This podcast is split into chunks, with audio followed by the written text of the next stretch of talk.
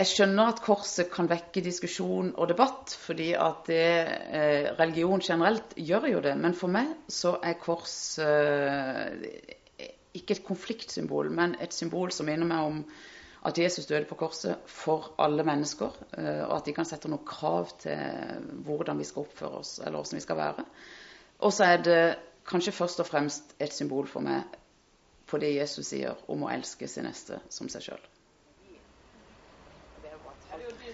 Jeg vet ikke om det er riktig å si at jeg er stolt av debatten, men eh, jeg tror det er viktig og riktig at debatten kom. Jeg ønska jo aldri at han skulle komme, iallfall ikke med det som utgangspunkt at jeg tok på meg kors på TV og, og at det ble så mye bråk av det.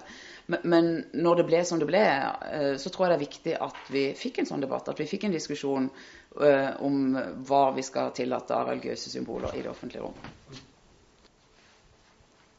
Nå tok jeg bare jakka fra i går, men den der, det vet jo ikke du. Ja, det var jo ikke noe som jeg liksom tenkte at oi, den prisen skulle jeg gjerne hatt. fordi at utgangspunktet var litt sånn at jeg ikke ønska det sånn. Jeg ville ikke provosere. Men når jeg da er blitt nominert til prisen, så må jeg si at det føles som en ære. Og jeg sier tusen takk.